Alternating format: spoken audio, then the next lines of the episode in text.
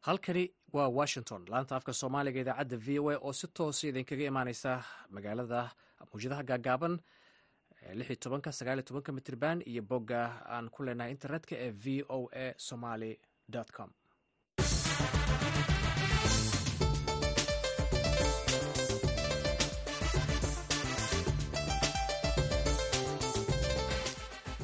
Subax wanaagsan dhegaystayaal waa aroornimo isniina sagaalitobanka bisha februaayo ee sanadka labada kun afar labaatanka.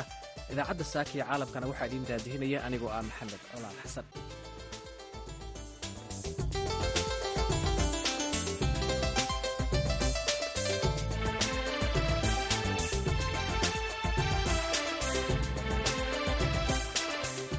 qodobada aan idinku hayn idaacaddeenna aroornimo. Waxaa ka mid ah warmurtiyad xalay ka soo baxay shir madaxeedkii midowda afrika xiisadda soomaaliya iyo etoobiyana looga hadlay.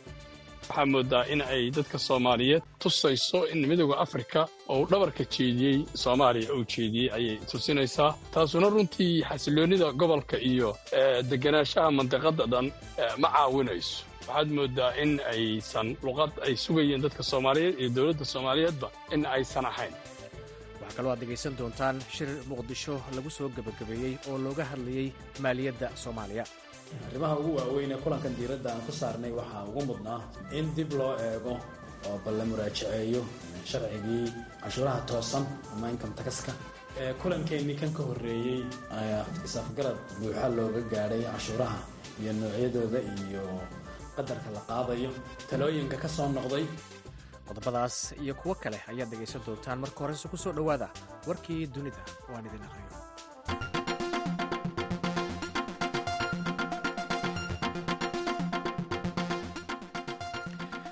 Madaxweynaha maraykanka joe biden ayaa qorsheynaya inuu aqalka cad ku soo dhoweeyo madaxweynaha kenya william ruto bisha mey ee soo socota.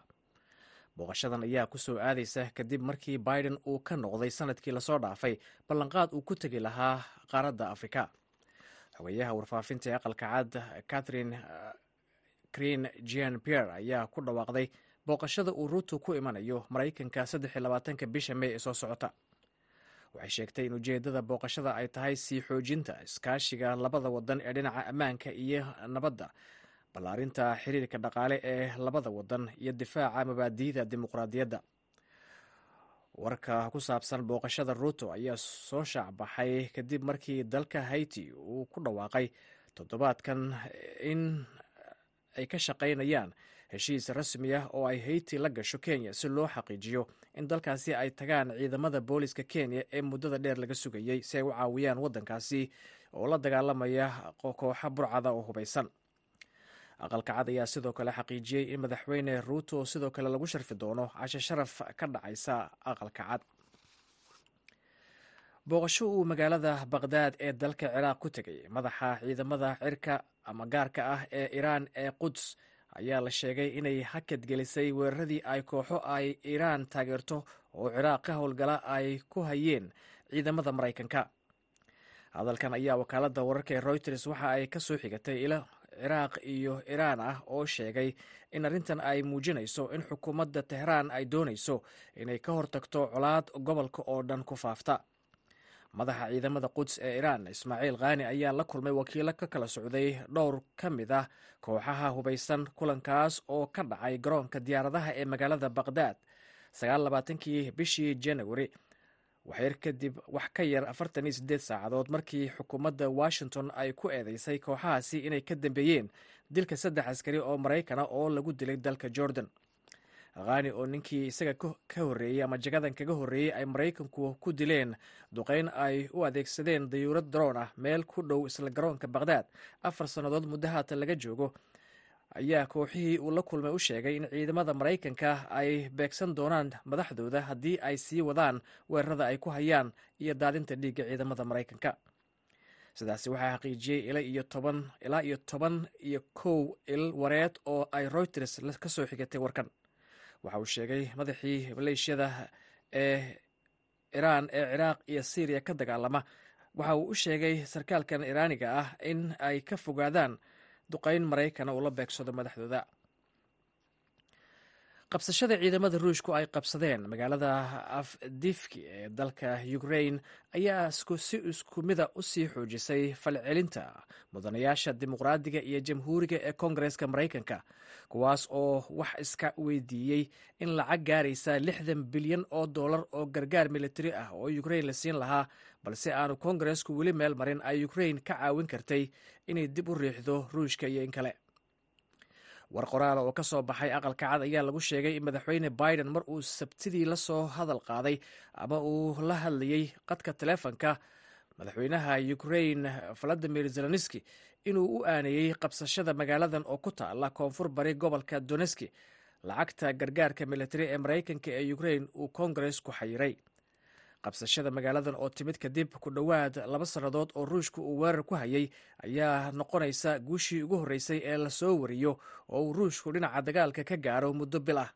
Ciidamada ukrain ayaa magaaladan isaga baxay markii ay ku yaraatay sahaydii iyo saanadii militari wasaaradda difaaci ruushkana waxay sheegtay in ciidamadeeda ay furinta dagaalka ay ka siqeen ku dhowaad sagaal kilomitir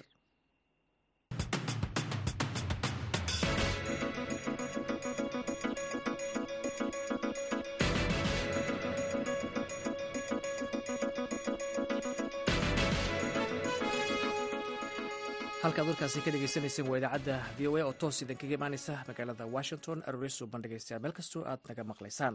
Aan ku bilowna ee shalay waxaa magaalada adis ababa ee dalka ethoobiya lagu soo gebagabeeyey shir madaxeedkii waddamada midooda afrika.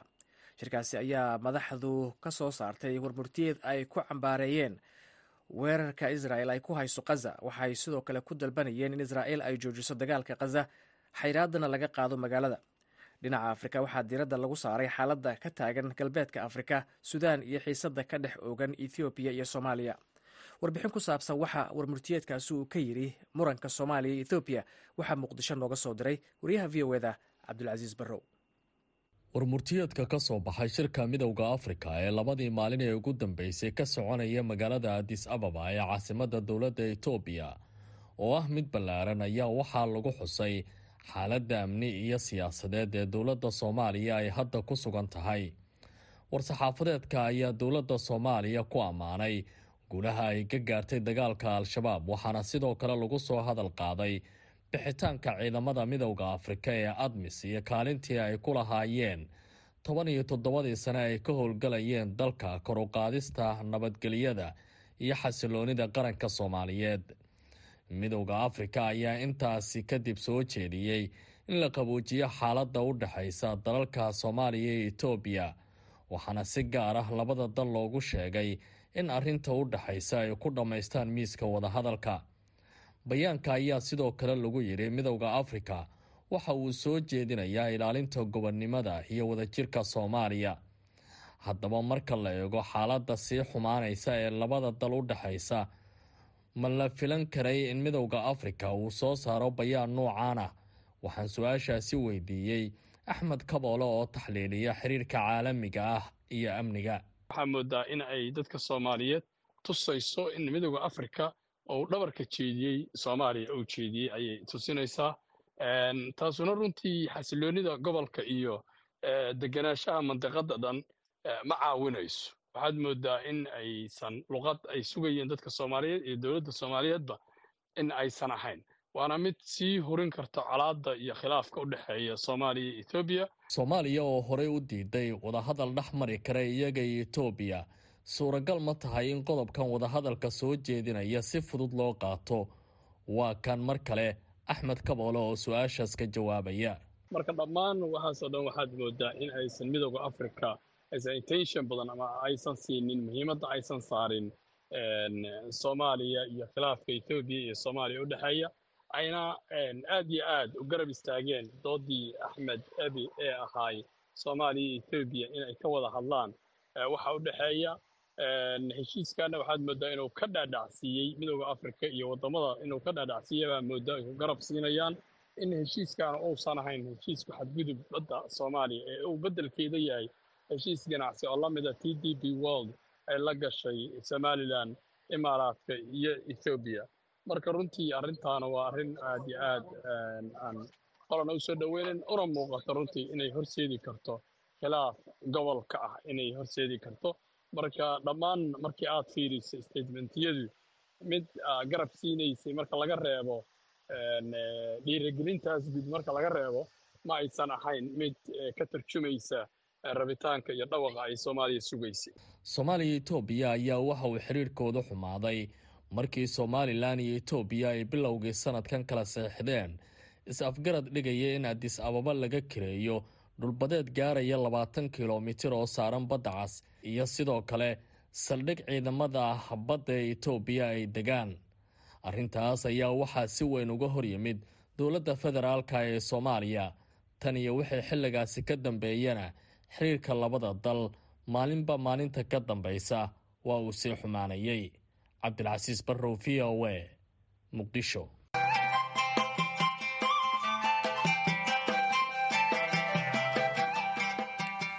Magaalada muqdisho waxaa xale lagu soo gebagabeeyey shir muddo laba cisho ah socday oo looga hadlayey hanaanka midaynta canshuuraha dowladda dhexe iyo dowlad goboleedyada. Warbixin arrintaasi ku saabsan waxaa magaalada muqdisho ka soo diray wariyaha v o eda xasan kaafi cabdiraxmaan qoyste.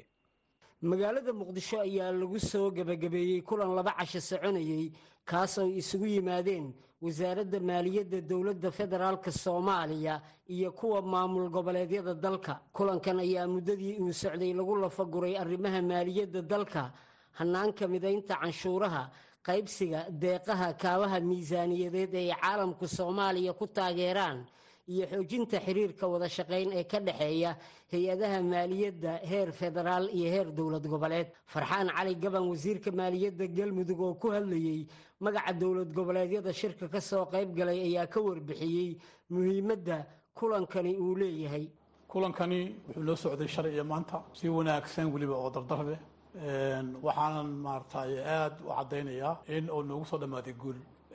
Kulanka waxyaala badan oo technical ayaa loogala hadlay ugu weyneed mashaariicda ugu weyneed maaragtay canshuuraha si loo harmanisgaran lahaa iyo systemka maaliyadda ku shaqaydo intiina run ahaantii waxay ahaayeen wax ay ka soo dharaandariyeen technicalka ah si buuxda ayaan isugu waafaqnay. Aan mahadcelinta iyo faahfaahinta yar aan ku soo koobo aad baan maarata anoo matalaya wasiiradeeda dowlad goboleedyada. Mar labaad jeclaan laha inaan ku celiyo mahadcelinta aan hayno wasiirka. Excellency garabkaaga allah galo waa wasiirka maaliyadda xukuumadda soomaaliya biixi iimaan cige oo gebagabadii kulanka ka hadlay ayaa ka waramay qodobada diiradda lagu saaray kulankan. Guud ahaan kulanku si qurux badan buu inoogu soo gebagaboobay arrimihii aynu ajandaha inoogu jiray ee labada cisho la falanqeeyena si buuxda dhammaantood. La isugu wada raacay. Arrimaha ugu waaweyn ee kulankan diiradda aan ku saarnay waxaa ugu mudnaa sida wasiir farxaan faahfaahiyey. In dib loo eego oo bal la muraajaceeyo sharcigii cashuuraha toosan ama income taxka. Ee kulankeenii kan ka horreeyey ayaa is-afgarad buuxa looga gaadhay cashuuraha iyo noocyadooda iyo qadarka la qaadayo talooyinka ka soo noqday iyo warbixinaha ka soo noqday in iyana bal dib loo eego maanka lagu hayo waxaana kulanku uu guddiga farsamada u xil saaray inay arrintaas soo dhinaandhiriyaan kulanka soo socdana iyada oo dhammaystir. Golaha ku soo celiyaan waxaa sidoo kale halkan lagu bogaadiyey labada dowladood galmudug iyo hirshabeelle oo iyagu hore ka bilaabayba hirgelinta sharciga runtiina tallaabo fiican oo horusocda dhankaa ka muujiyey. Waxaa iyana taa la socotay oo arrimaha ugu muhiimsan ee laysla gartay kulanka la yskula gartay ka mid ah in la mideeyo tirsiga aqoonsiga cashuur bixiya oo siyaalo kala duwan hadda loo isticmaalo.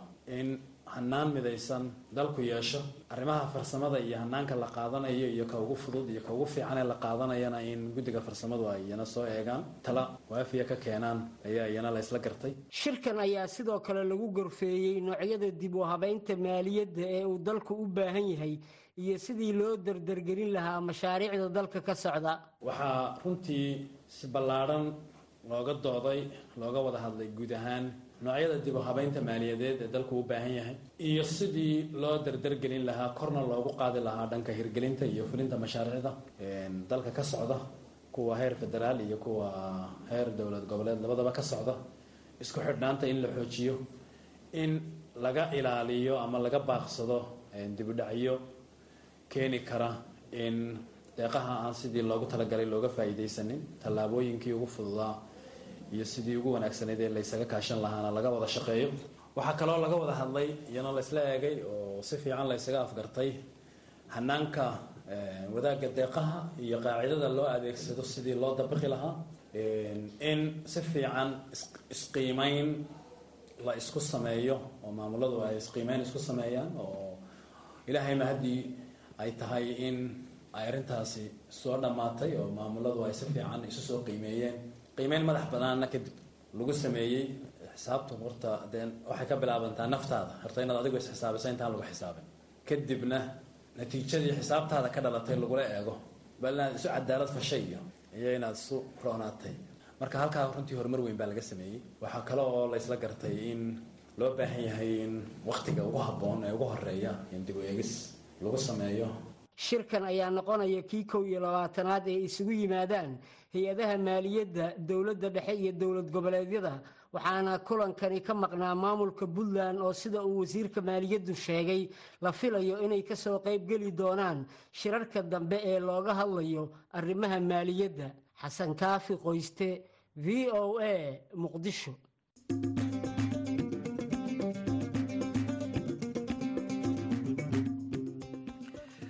dalka kenya waxaa ku nool kumanaan qaxooti ah waxaana ku yaalla xerada qaxootiga ee dhadhaab oo lagu tilmaamo tan ugu ballaaran dunida ee ay qaxooti ku nool yihiin. Laakiin dad lagu qiyaaso ilaa iyo afartan kun oo ka mid ah dadka xeryahaasi ku nool maaha qaxooti dhaba waa kenyaan isku diiwaangeliyey xeryaha si ay nolol uga raadsadaan ama ay uga faa'iidaystaan fursadaha dibudejinta dalal shisheeye haatan dowladda kenya ayaa waddo qorshe ay ku doonayso inay dadka kenyaanka ah ee qaxootinimada isu diiwaangeliyey ka saarto liiska qaxootinimada si markaa ay u raadsadaan aqoonsiyadooda kenya.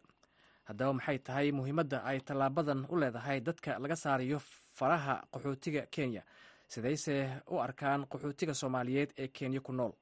Warbixin arrintan ku saabsan waxaa magaalada nairobi nooga soo diray wariyahayaga qadar maxamuud xareed tillaabada ay dowladda kenya ay ku doonayso inay faraha qaxootinimada ay uga saarto dadka kenyaanka ah ee sida fudud qaxooti ahaanta isaga diiwaangeliyey xeryaha qaxootiyada ee dalkeeda ayaa ahayd mid sannadihii la soo dhaafay soo socotay.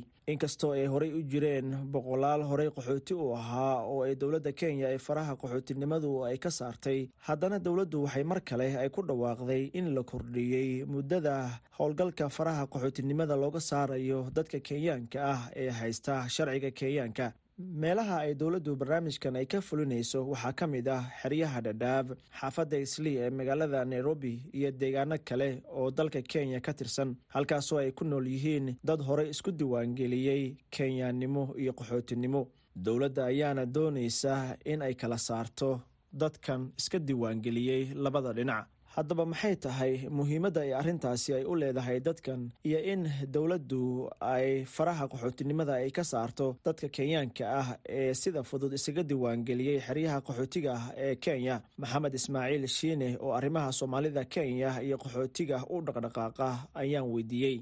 Qaxootiga faa'iidooyin badan uu leeyahay sababtoo ah qofka qaxootiga ahaa oo isku dayay inuu sharci kenya qaato oo sharcigana u soo bixi waayey. Kaarka qaxootigana ka xayirmay. Faa'iido badan uu leeyahay haddii laga saaro sistemkii oo loo daayo kaarkiisa qaxootiga validation loogu sameeyo. Sababtoo ah xarada qaxootiga ka soo qaadba qofka xarada qaxootiga jooga. Broceska waxaa laga yaabaa inuu famil kula jiray familka dhanaa u xayiranoo barnaamijkoodii qurbaha ku aadi lahaayeen oo dhan uu ka xayiray asaga laftiisa wuxuu iska xayiray dhaqdhaqaaq inuu samayn karo. Waddanka kenyana ma aqoonsano unkana lagama aqoonsano. Marka wuxuu ahaa qof dhibanoo tetles camal ah. Marka haddii sistemka laga saaro kan qaxootiga loo daayo oo sistemka la siiyo waxay la mid tahay marka inuu qof sistemkii ku soo noqday xuquuqda qaxootiga ay leeyihiin oo dhan oo ka maqneed ayuu helaya hase yeeshee soomaalida qaxootiga ku ah dalka kenya ayaa iyaguna qaba aragti ah in ay doonayaan inay ku adkaystaan qaxootinimadooda si sidoo kale loogu tixgeliyo fursadaha ay helayaan dadka qaxootiga ah ee kenya ku nool. Cusmaan jeelaani aawow waxa uu soddonkii sano ee la soo dhaafay uu qaxooti ku ahaa dalkan kenya. Marka kaanaga ahaan qaxooti ahaan oo waa noo wanaagsan tahay aad iyo aad weliba inaan qaxootinimadeena aan ku joogno inkeys haddii ay sunoo baxaan safaro ama fursado oo dibadda ah resettlement waddan saddexaad ah faraheen inay nadiif noo ahaadaan oo yacni qaxootinimadeenii si oo hadhow safarkeenii uu dib u dhac ugu imaanin dowladda kenya iyo hay'adda qaramada midoobey u qaabilsan arrimaha qaxootiga adduunka ee u n h c r oo sidoo kale waday qorshe kale oo ay qaxootiga ugu ogolaanayaan inay isdhexgal ay la sameeyaan bulshada kale ee waddanka kenya. Ayaa hase yeeshee dhaqangalka qorshahaasi ayaanan weli ka hirgelin dalka kenya. Barnaamijkaas dowladdii horey ahayd wuxuuna dhaqan galay sanadkan aan soo dhaafnay labada kun iyo labadii bishii saddexaad waana marba haddii baarlamaanka iyo golaha wasiirada ay ansixiyeen waa barnaamij dhaqangalay laakiin ilaa hadda wuxuu la xayiran yahay implementationkii in dadkii intii la wacyogeliyo noola ogolaado xarooyinka la xiro oo qofka free uu noqdo inuu isagoo qaxooti ah integration samayn karo ganacsi furan karo dhaqdhaqaaq socon karo safarada. Hadda ka xayiran dadka qaxootiga ku jiroo kale ay xor u yihiin inay safraan. Basaboorka u n ka qaadan karo hadduu ganacsi ku jiro uu dibadaha ka soo adeegan karo sida dubai iyo hindiya iyo shiinaha la aado hadduu cimro raba sacuudiga uu aadi karo. Hadda waxyaalahaasoo dhan ayaa ay ku dhiban yihiin. Marka integrationka marka wuxuu u siyaadinayaa in qofka uu noqonayo qof aan xara ku jirin uu la mid yahay dadka kale oo kenyaanka caadiga waxa keliya ka mamnuucan waa siyaasadda inuu ka qayb galayo wixii la mid laakiin inta kale xuquuqda qofka muwaadinka uu leeyahay ayuu yeelanaya. Khadar maxamuud xareed v o a nairobi.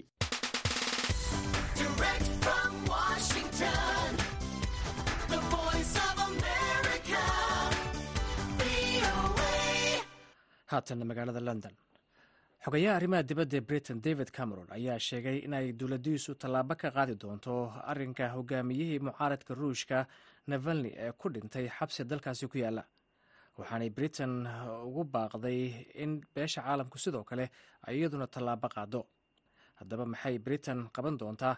Warbixin ku saabsan amuurtan waxaa magaalada london inooga soo diray. Wariyaha v o eda ee qaaradda yurub cabdulxaafid caawil ismaaciil david cameron xogayaha arrimaha dibadda ayaa sheegay in loo baahan yahay marka wax loo dhimo xuquuqda aadanaha inay habboon tahay in tallaabo la qaado. Laakiin su'aal ayaa laga qabaa qaabka reer galbeedku u wajaho xaaladaha aadanaha ee kala duwan.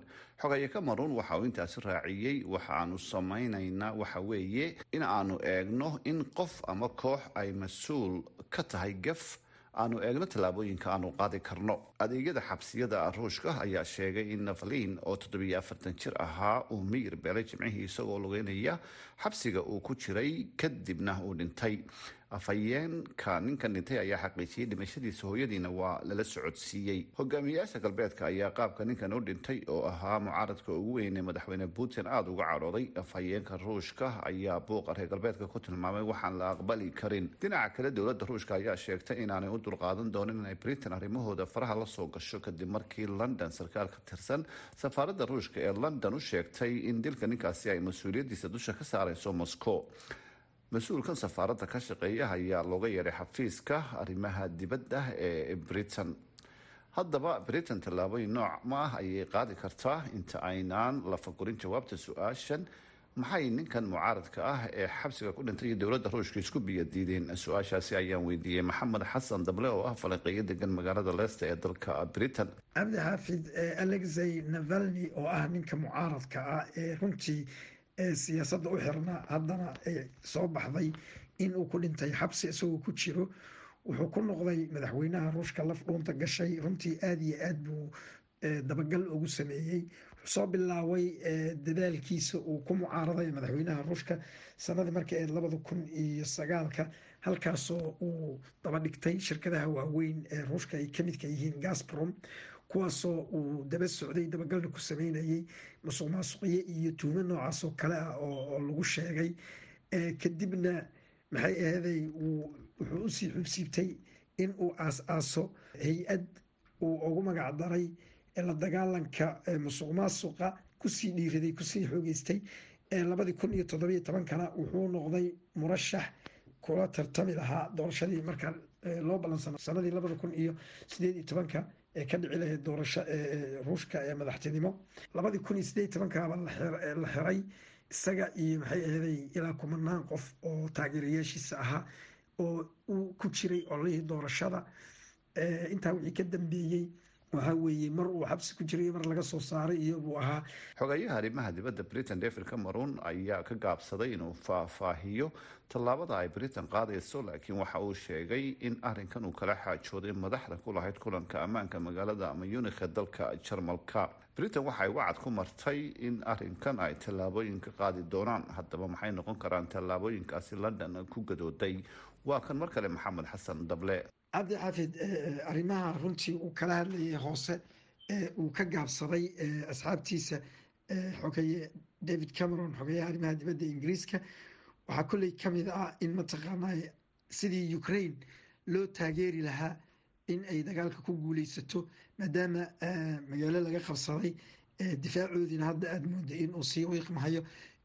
Hubkii iyo saadkiina uu gabaabsi yahay in loo gurmado oo si deg deg ah loo gaarsiiyo hub ay mataqaanaa iskaga caabiyaan ruushka ayaa ugu weyn. Waa waxaanan hadda uu sheegay xogayaha in aynan mudneen in la shaaciyo oo ay tahay in mataqaanaa in laga fiirsado kadibna mataqaanaa laga falceliyo. Qaar ka mid ah ururada u ololeeya qadiyadda falastiin ee britain ayaa dowladda ku eedeeyay laba wajiileyn iyo inay kala door bido xuquuqda aadanaha. Dadkan ayaana u jeeda sida ay britain ugu taageertay israa'iil dagaalka qasa cabdixaafid cawir ismaaciil v o a london. Meel raaxo badan oo roobka uu ku hooro biyo laaga rogmanayaan raha iyo maroodiga aan wada rafiiqne. Waa ereyadaas waxay qayb ka yihiin heesta haruunay soo eeg codka baxsan fanaanka law naxariistee maxamed suleybaan tubeec aan wararka kaga nasanno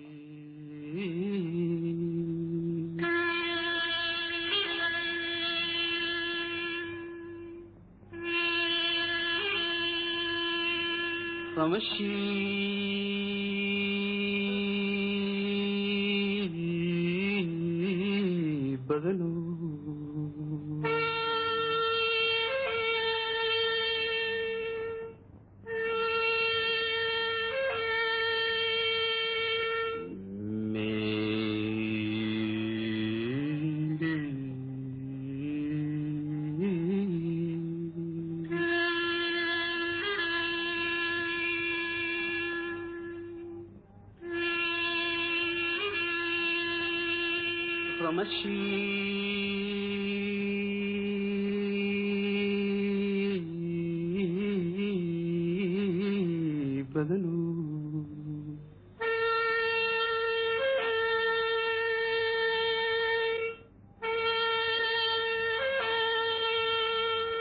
dhirturaama bixiso rumidhaa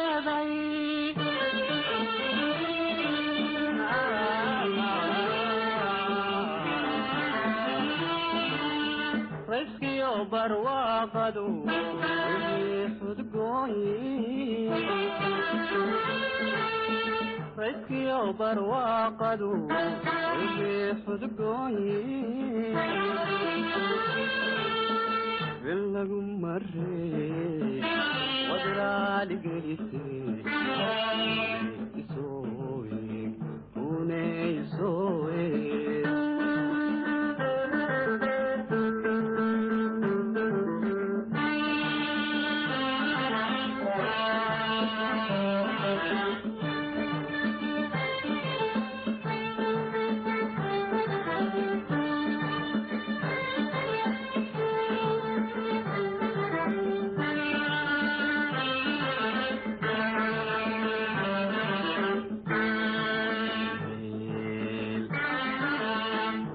saxabadano roobku uu ku horo biyo laba rogmanayaan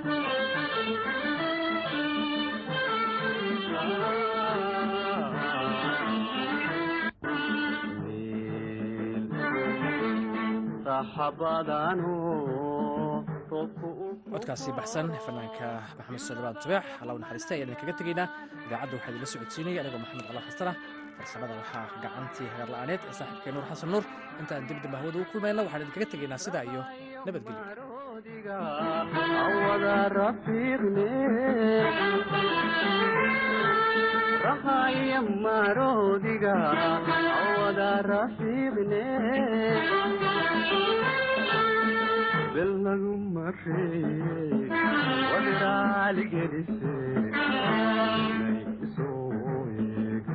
samaysoe